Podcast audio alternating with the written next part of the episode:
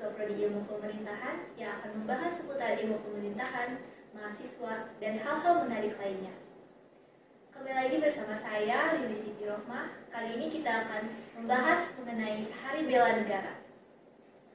Kita akan berbincang-bincang langsung dengan orang yang sangat luar biasa, nomor satu di Fakultas Ilmu Sosial dan Ilmu Politik, yakni Dekan Fakultas Ilmu Sosial dan Ilmu Politik Universitas Galuh, Bapak Haji Aan Anwar Sihabudin MSI. Halo Pak, selamat datang di podcast Intelektual. Ya, selamat bertemu kembali, Neng. Yang mungkin yang pertama ya. Iya, yang pertama Pak.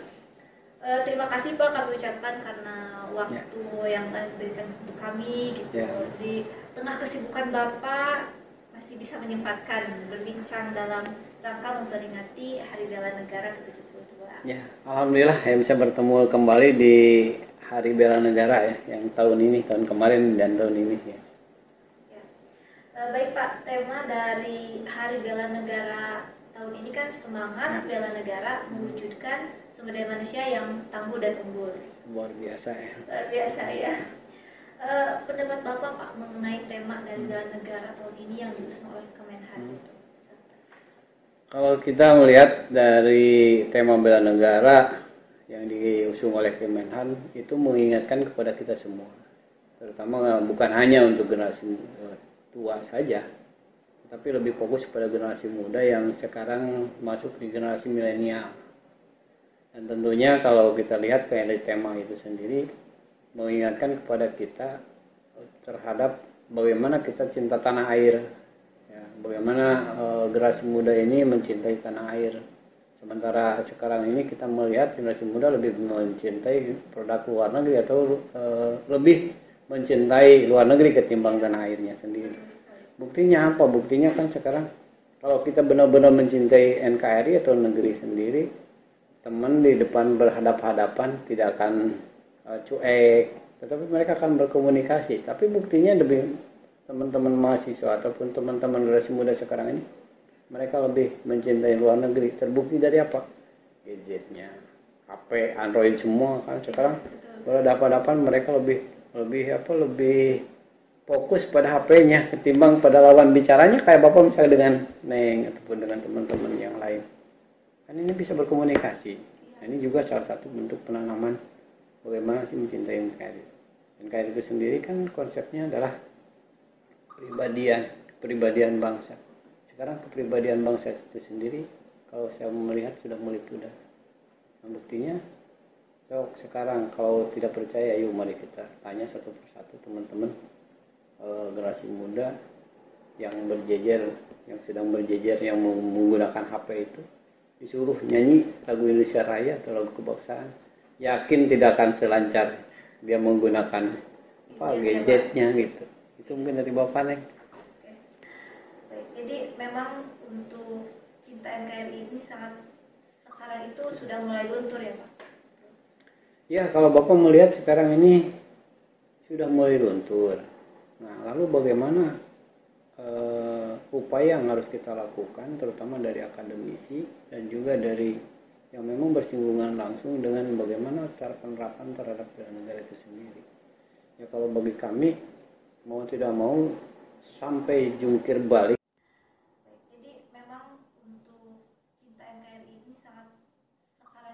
mulai luntur ya. Ya, kalau Bapak melihat sekarang ini sudah mulai luntur. Nah, lalu bagaimana eh, upaya yang harus kita lakukan, terutama dari akademisi dan juga dari yang memang bersinggungan langsung dengan bagaimana cara penerapan terhadap bela negara itu sendiri. Ya, kalau bagi kami mau tidak mau sampai jungkir balik pun harus eh, generasi muda ini harus kembali ke apa ke mencintai NKRI jangan acuh tak acuh ya kebanyakan kan acuh tak acuh tak acuh. Apalagi dengan sekarang di musim pandemi seperti ini kita tidak bisa secara langsung eh, dari hati ke hati berbicara dengan dengan teman-teman mahasiswa ataupun dengan teman-teman di organisasi yang lainnya. Nah, terutama yang ada di kampus dulu ya kita melihatnya dulu yang ada di kampus. Nah itu kita tidak bisa berbicara secara langsung dengan teman-teman. Ini bagaimana kan gitu tapi kalau misalkan sekarang kita katakanlah memberikan materi di kelas dengan materi misalkan bapak megang mata kuliah Pancasila kita akan bertanya tentang Pancasila kepada mahasiswa. Mahasiswa kan menjawab kan secara langsung berbeda dengan secara daring. Dengan daring mereka kan bisa saja tanya kanan kiri atau siapkan teman-teman, ya, paste dari apa. Memang jawab seperti apa. Kemudian dia akan balik bertanya kepada kita dengan pertanyaan yang luar biasa Eh, jauh dari pola pemikiran mahasiswa kan aneh juga kan pada ini. Nah, itu dari mana didapatnya? Kan bisa browsing. Tidak kelihatan ini oleh dosennya. Tapi kalau kita berhadapan langsung minimal kita akan tahu ini pribadinya seperti apa. Nah, kemudian sikapnya akan seperti apa. Ketika kita tahu sikap dan pribadinya seperti itu maka kita punya kewajiban mengingatkan nih jalan kamu seperti ini. Harusnya seperti ini. Jangan keluar dari konteks dan konten NKRI apalagi kalau kita melihat perkembangan terkini Indonesia. Ada satu eh, apa satu organisasi yang dulu pernah hidup di Indo- di Indonesia sekarang mereka ingin hidup kembali. Nah ini kita memberikan pemahaman kepada teman-teman mahasiswa bahwa konteks organisasi itu sendiri ingin masuk lagi di Indonesia kan susah juga. Meskipun sekarang ada BP apa BP apa badan pe- yang BPIP ya Iya Ya, ah, BPIP. Ideologi.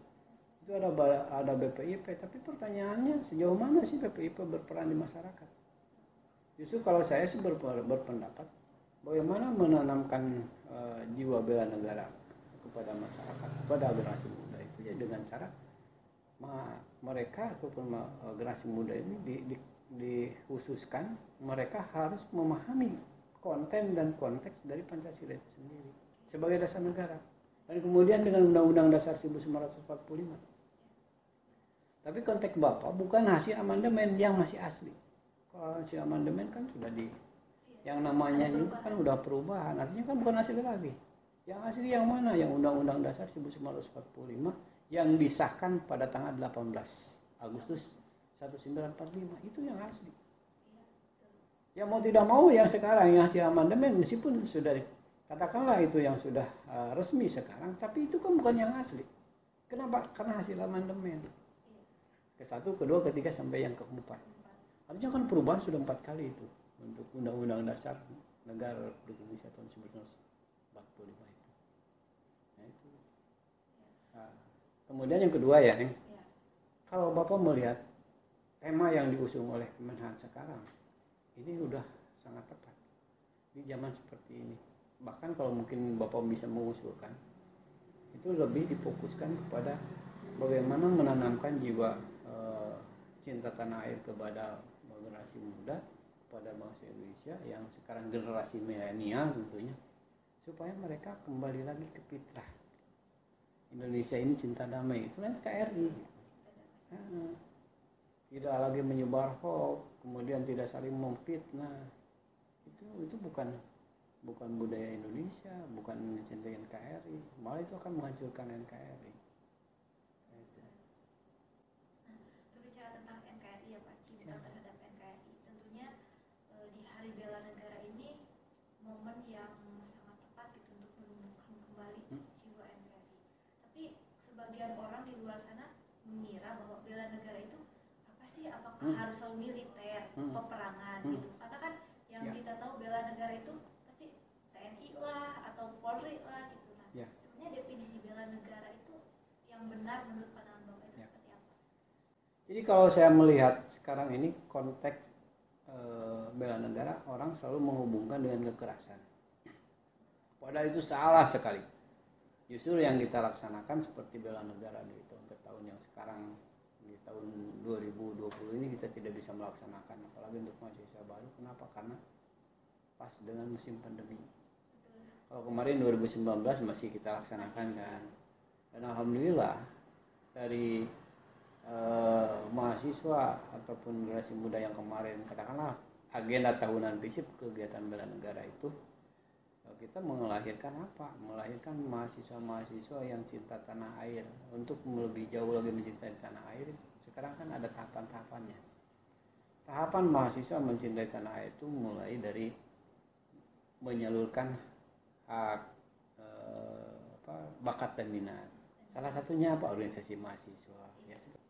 Aktif di organisasi mahasiswa itu adalah salah, salah satu bentuk ataupun uh, rasa cinta tanah air.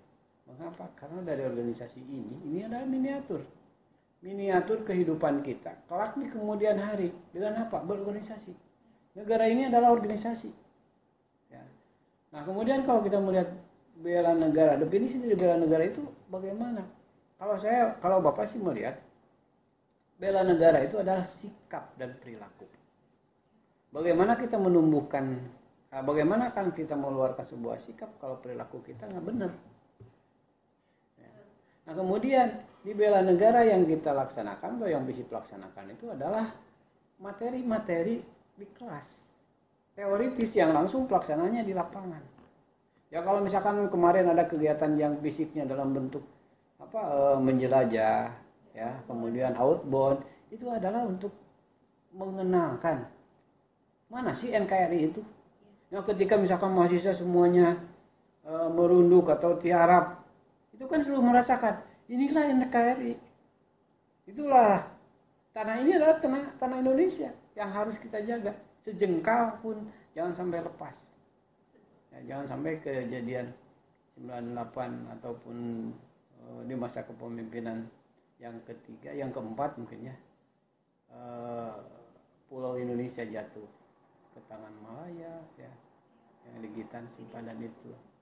Kemudian yang kemarin juga yang apa yang Timur Timur juga kan keluar dari Indonesia lepas dari Indonesia jangan-jangan ini sekarang ini juga jangan sampai terjadi sampai, lagi ya. akibat dari apa dari sikap dari sikap dan perilaku bangsa Indonesia yang sudah tidak lagi mencintai NKRI, yang sudah tidak lagi mencintai warga apa negaranya.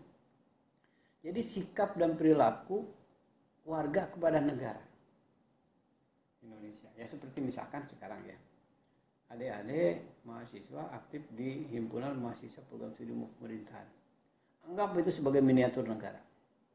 Ketika ada orang ataupun ada organisasi lain yang menghujat himpunan mahasiswa program studi pemerintahan, bagaimana tanggapan dari adik dari teman-teman pasti marah kan rasa marah ada kemudian rasa uh, apa ingin membalas juga kan ada harusnya tumbuh seperti itu ketika Indonesia sekarang diobrak abrik dengan paham ataupun dengan teknologi. Coba berpikir kembali ini budaya siapa sih? Tapi bukan berarti kita harus uh, apa harus tidak tidak tidak bisa maju jangan tidak tidak seperti itu.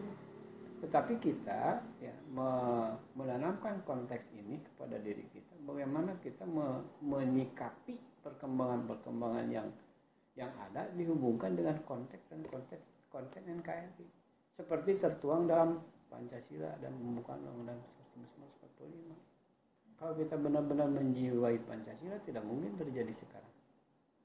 Kayak seperti sekarang tidak menghargai apa tidak menghormati orang yang lebih tua tidak menghargai uh, teman sebaya atau tidak menghargai adik kelas atau umurnya yang masih di bawah kita.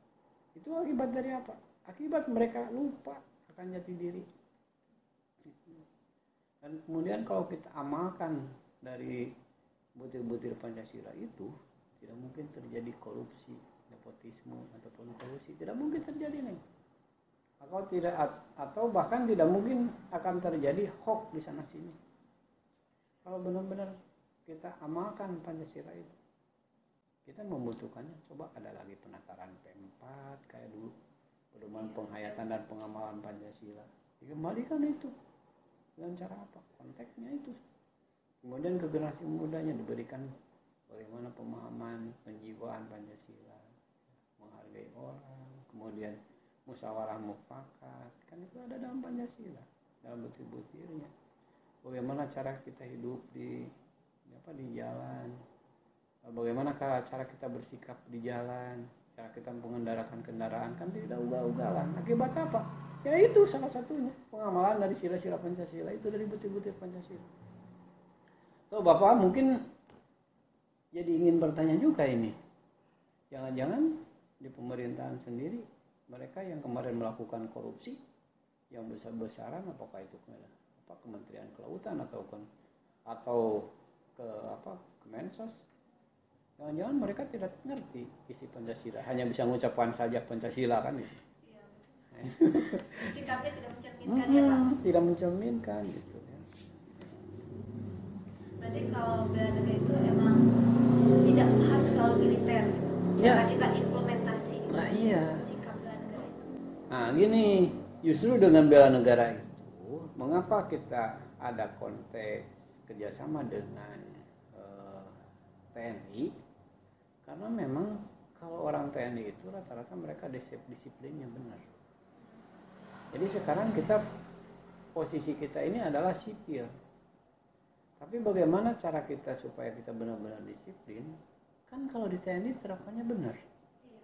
Jam berapa kita bangun, jam berapa kita apa melaksanakan tahajud. Kan ada.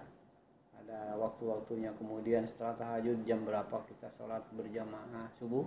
Ya, setelah sholat subuh ada kegiatan senam pagi bersama. Kan itu secara secara kolosal. Dan itu membentuk kebersamaan kan ya?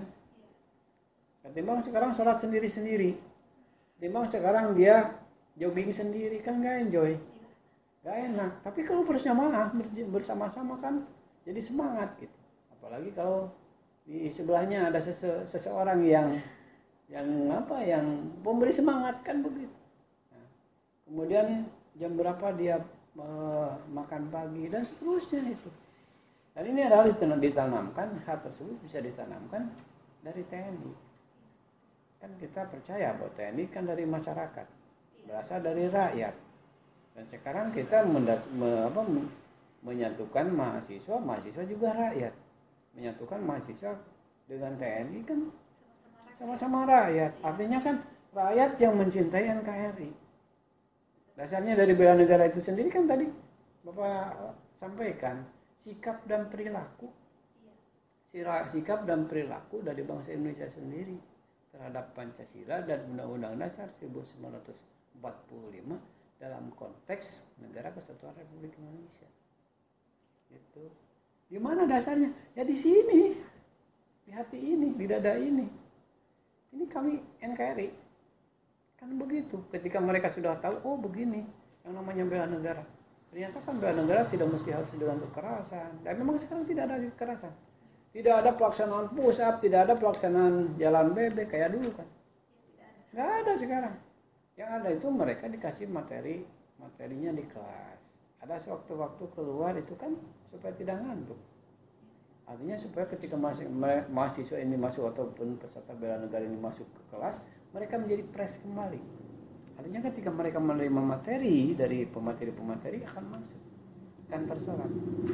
Bagaimana sih para pahlawan dulu memperjuangkan Indonesia ini supaya merdeka? Sekarang kita tinggal menikmati. Masa tidak ada sumbangsi terhadap para pahlawan sudah meninggalkan kita?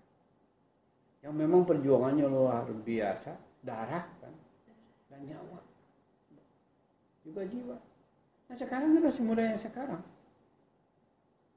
cobalah berpikir itu pendahulu-pendahulunya. Mereka berani mengorbankan diri, mengorban- mengorbankan keluarga dan juga mengorbankan segalanya untuk kemerdekaan ini. Masa kita yang sudah di negeri yang merdeka tidak mau mengisinya dengan hal-hal yang baik. Ini kesempatan generasi muda untuk melanjutkan eh, kepemimpinan di masa yang akan datang. Masa yang akan datang dipimpin oleh siapa? Ya oleh generasi milenial ini. Eh, tadi kan berbincang tentang pendidikan bela negara Ah. Pendidikan bela negara kan hanya ada di FISIP di Universitas. Alhamdulillah. Alhamdulillah ya. Alhamdulillah. Ini tahun ke-6 nih. Tahun ke-6 Ya. pengen tahu dong Pak alasan kenapa Bapak dulu memilih bela negara program wajib Ya. kan Pak untuk semester Ya. 1 itu. Ya. Alasannya kenapa sih Pak? Ini basic bapak itu dari resimen mahasiswa. Ya. Yang kedua, bapak ini dididik oleh orang tua, dididik disiplin. Artinya masa iya sih apa yang bapak alamin tidak bapak tularkan kepada teman-teman yang lain, terutama generasi muda. Dulu ketika bapak di second line nggak bisa. Nah sekarang bapak di top line, ya, top manager, sebagai pengelola, sebagai penanggung jawab, mengapa tidak dicoba? Dalam arti apa? Bapak menginginkan mahasiswa-mahasiswa FISIP ini disiplin waktu, sehingga ketika bapak dititipkan oleh orang tua mahasiswa eh, untuk mendidik anak-anak mereka di PCP ini anak-anak mereka itu selesai tepat waktu. Kan jadi mahasiswa itu untuk S1 ada batas waktu. Tiga tahun 8 bulan harus selesai ngapain sampai empat tahun bahkan 9 tahun ya. atau sampai mereka harus nerima dia oh, ngapain nah alasan yang kedua kesempatan itu jarang datang dua kali nih dan pendidikan bela negara ini memberikan kesempatan kepada mahasiswa untuk menikmati bagaimana indahnya NKRI ya kan Iya, betul sekali. Benar. Bagaimana rasanya perjuangan yang dilakukan oleh eh, pendahulu-pendahulu ini? Bagaimana rasanya jadi TNI? Kan TNI sehari di situ. Eh, kita bisa merasakan pengalaman-pengalaman yang instruktur berikan di 323. Luar biasa. Dan itu sampai hari ini, alhamdulillah outputnya, Neng. Sekarang ini semua BUMN maupun BUMS ya, wajib melaksanakan bela negara. Laksanakannya di mana? Di pusat bela negara, Parung, Bogor. Ah. Nah, sekarang jadi salah satu persyaratan untuk apa alumni ataupun tenaga kerja melamar pekerjaan. Bapak kemarin alhamdulillah FISIP dapat penghargaan dari, dari salah satu perusahaan eh, negara BUMD terkait dengan eh, lulusan FISIP yang diterima oleh mereka. Mereka mengatakan pada Bapak, terima kasih pada FISIP. Kenapa? Karena saya kan Bapak heran, kenapa mereka berterima kasih kepada kita? Ya kata mereka, karena kami tidak mesti harus melaksanakan pendidikan bela negara. Tidak mesti harus mengirimkan peserta bela negara. Memang kenapa Pak? Karena yang lulusan kami kemarin, ya, apa yang yang lulusan dari FISIP yang kema- kemar- kemarin kami seleksi untuk jadi calon tenaga kerja di kami, jadi pegawai kami, mereka sudah bersertifikat, mempunyai sertifikat bela negara, dan itu jamnya kan ada di situ, 126 jam, artinya sudah memenuhi. Batas minimal saja kan 125 jam, ini 146, berarti kan sudah luar biasa. Nah ini salah satu juga yang yang memang mesti harus terus dipertahankan. Karena kita memberikan pemahaman kepada mahasiswa ataupun memberikan peluang bagi teman-teman mahasiswa untuk menikmati indahnya Indonesia kan itu outputnya apa? Mereka dapat sertifikat. Yang dibutuhkan untuk pendamping ijazah. Surat keterangan pendamping ijazah atau SKPI sekarang kan ada SKPI ya di SKPI di situ ada eh, apa ada poin tentang bela negara. Nanti kan dibuktikan mana sertifikatnya ini sertifikatnya kan itu. Seperti itu. Alhamdulillah outputnya untuk lulusan-lulusan dari FISIP yang kemarin apa, melamar pekerjaan di BUMD pun di perusahaan-perusahaan swasta eh, yang ah, salah satunya harus menyertakan eh, sertifikat bela negara ternyata ada yang dari FISIP banyak yang diterima 46 orang tuh Neng luar biasa kan satu angkatan itu 46 orang memang pada saat itu kesempatannya banyak tapi kan bukan untuk ditempatkan di Jambi saja tapi kan se Indonesia Gitu. Ah, Nah, tahun ini kan nggak ada Pak Ya. Eh, di masa pandemi. ya Kira-kira solusinya apa Pak? Apakah akan ada PBN tahun depan Ah. atau gimana gitu? Yang sekarang ini kan belum melaksanakan PBN hanya satu angkatan. Iya. artinya yang sekarang tingkat satu.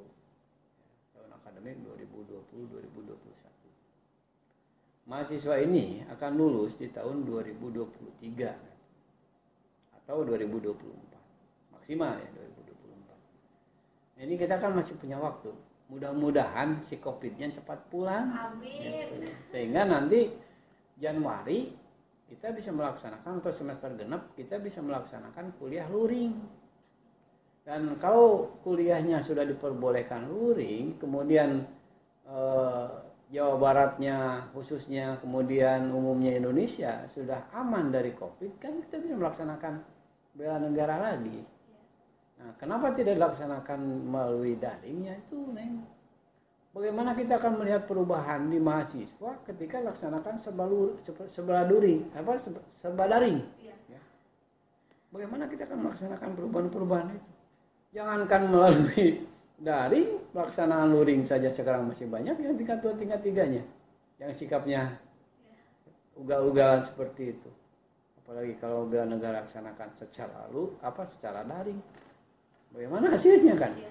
ya bapak kan makanya dari itu uh, atas kesepakatan dari unsur pimpinan fakultas dan juga teman-teman dari uh, prodi dan tim dari bela negara itu sendiri ya kami memutuskan untuk tidak melaksanakan tahun ini sampai sampai dengan eh, status darurat COVID-nya dicabut. Nah, mudah-mudahan kita berdoa secepatnya segera mungkin dihindarkan dari semua penyakit ini. Iya, betul, iya, betul. Jadi buat teman-teman sobat Ipers jangan khawatir ya karena pendidikan bela negara insya Allah akan tetap dilaksanakan gitu meskipun bukan tahun sekarang Ya. tapi tahun-tahun ke depan insya Allah akan dilaksanakan. Nah Pak eh, Ya. sekarang sudah mau akhir nih Pak. Hmm. Gimana? Eh, kami minta pesan gitu dari Hmm. Bapak untuk Ya. mahasiswa-mahasiswi visit gitu khususnya di Hari Bela Negara ini. Ya. Pesan Bapak untuk mahasiswa FISIP khususnya, umumnya mahasiswa Uniga lah. Di hari bela, bela negara ini, yuk mari kita koreksi diri. Sudah, sudah sejauh mana kita mencintai NKRI ini? Dalam bentuk apa? Banyak. ya. Misalnya dengan aktif di organisasi kampus atau di organisasi-organisasi luar kampus yang eh, dasarnya adalah Pancasila. Tentunya eh, menjunjung tinggi nilai-nilai Pancasila. Nah, kemudian yang paling utama untuk mahasiswa jangan terlalu percaya sama gadget. Ada batas umurnya. Tapi harus percaya itu bahwa NKRI ini satu atas dasar negara Pancasila. Jadi dasar negaranya Pancasila. Itu yang perlu dijunjung. Di mana kalau kita sadar bahwa negara ini berdasar dasarnya adalah tentu kita akan mengamalkan dari butir-butir Pancasila itu. Yuk mari kita amalkan butir-butir Pancasila ini supaya tidak ada saling apa saling hoax sana sini ya. dan juga tidak saling menghujat. Selanjutnya pesan untuk himpunan.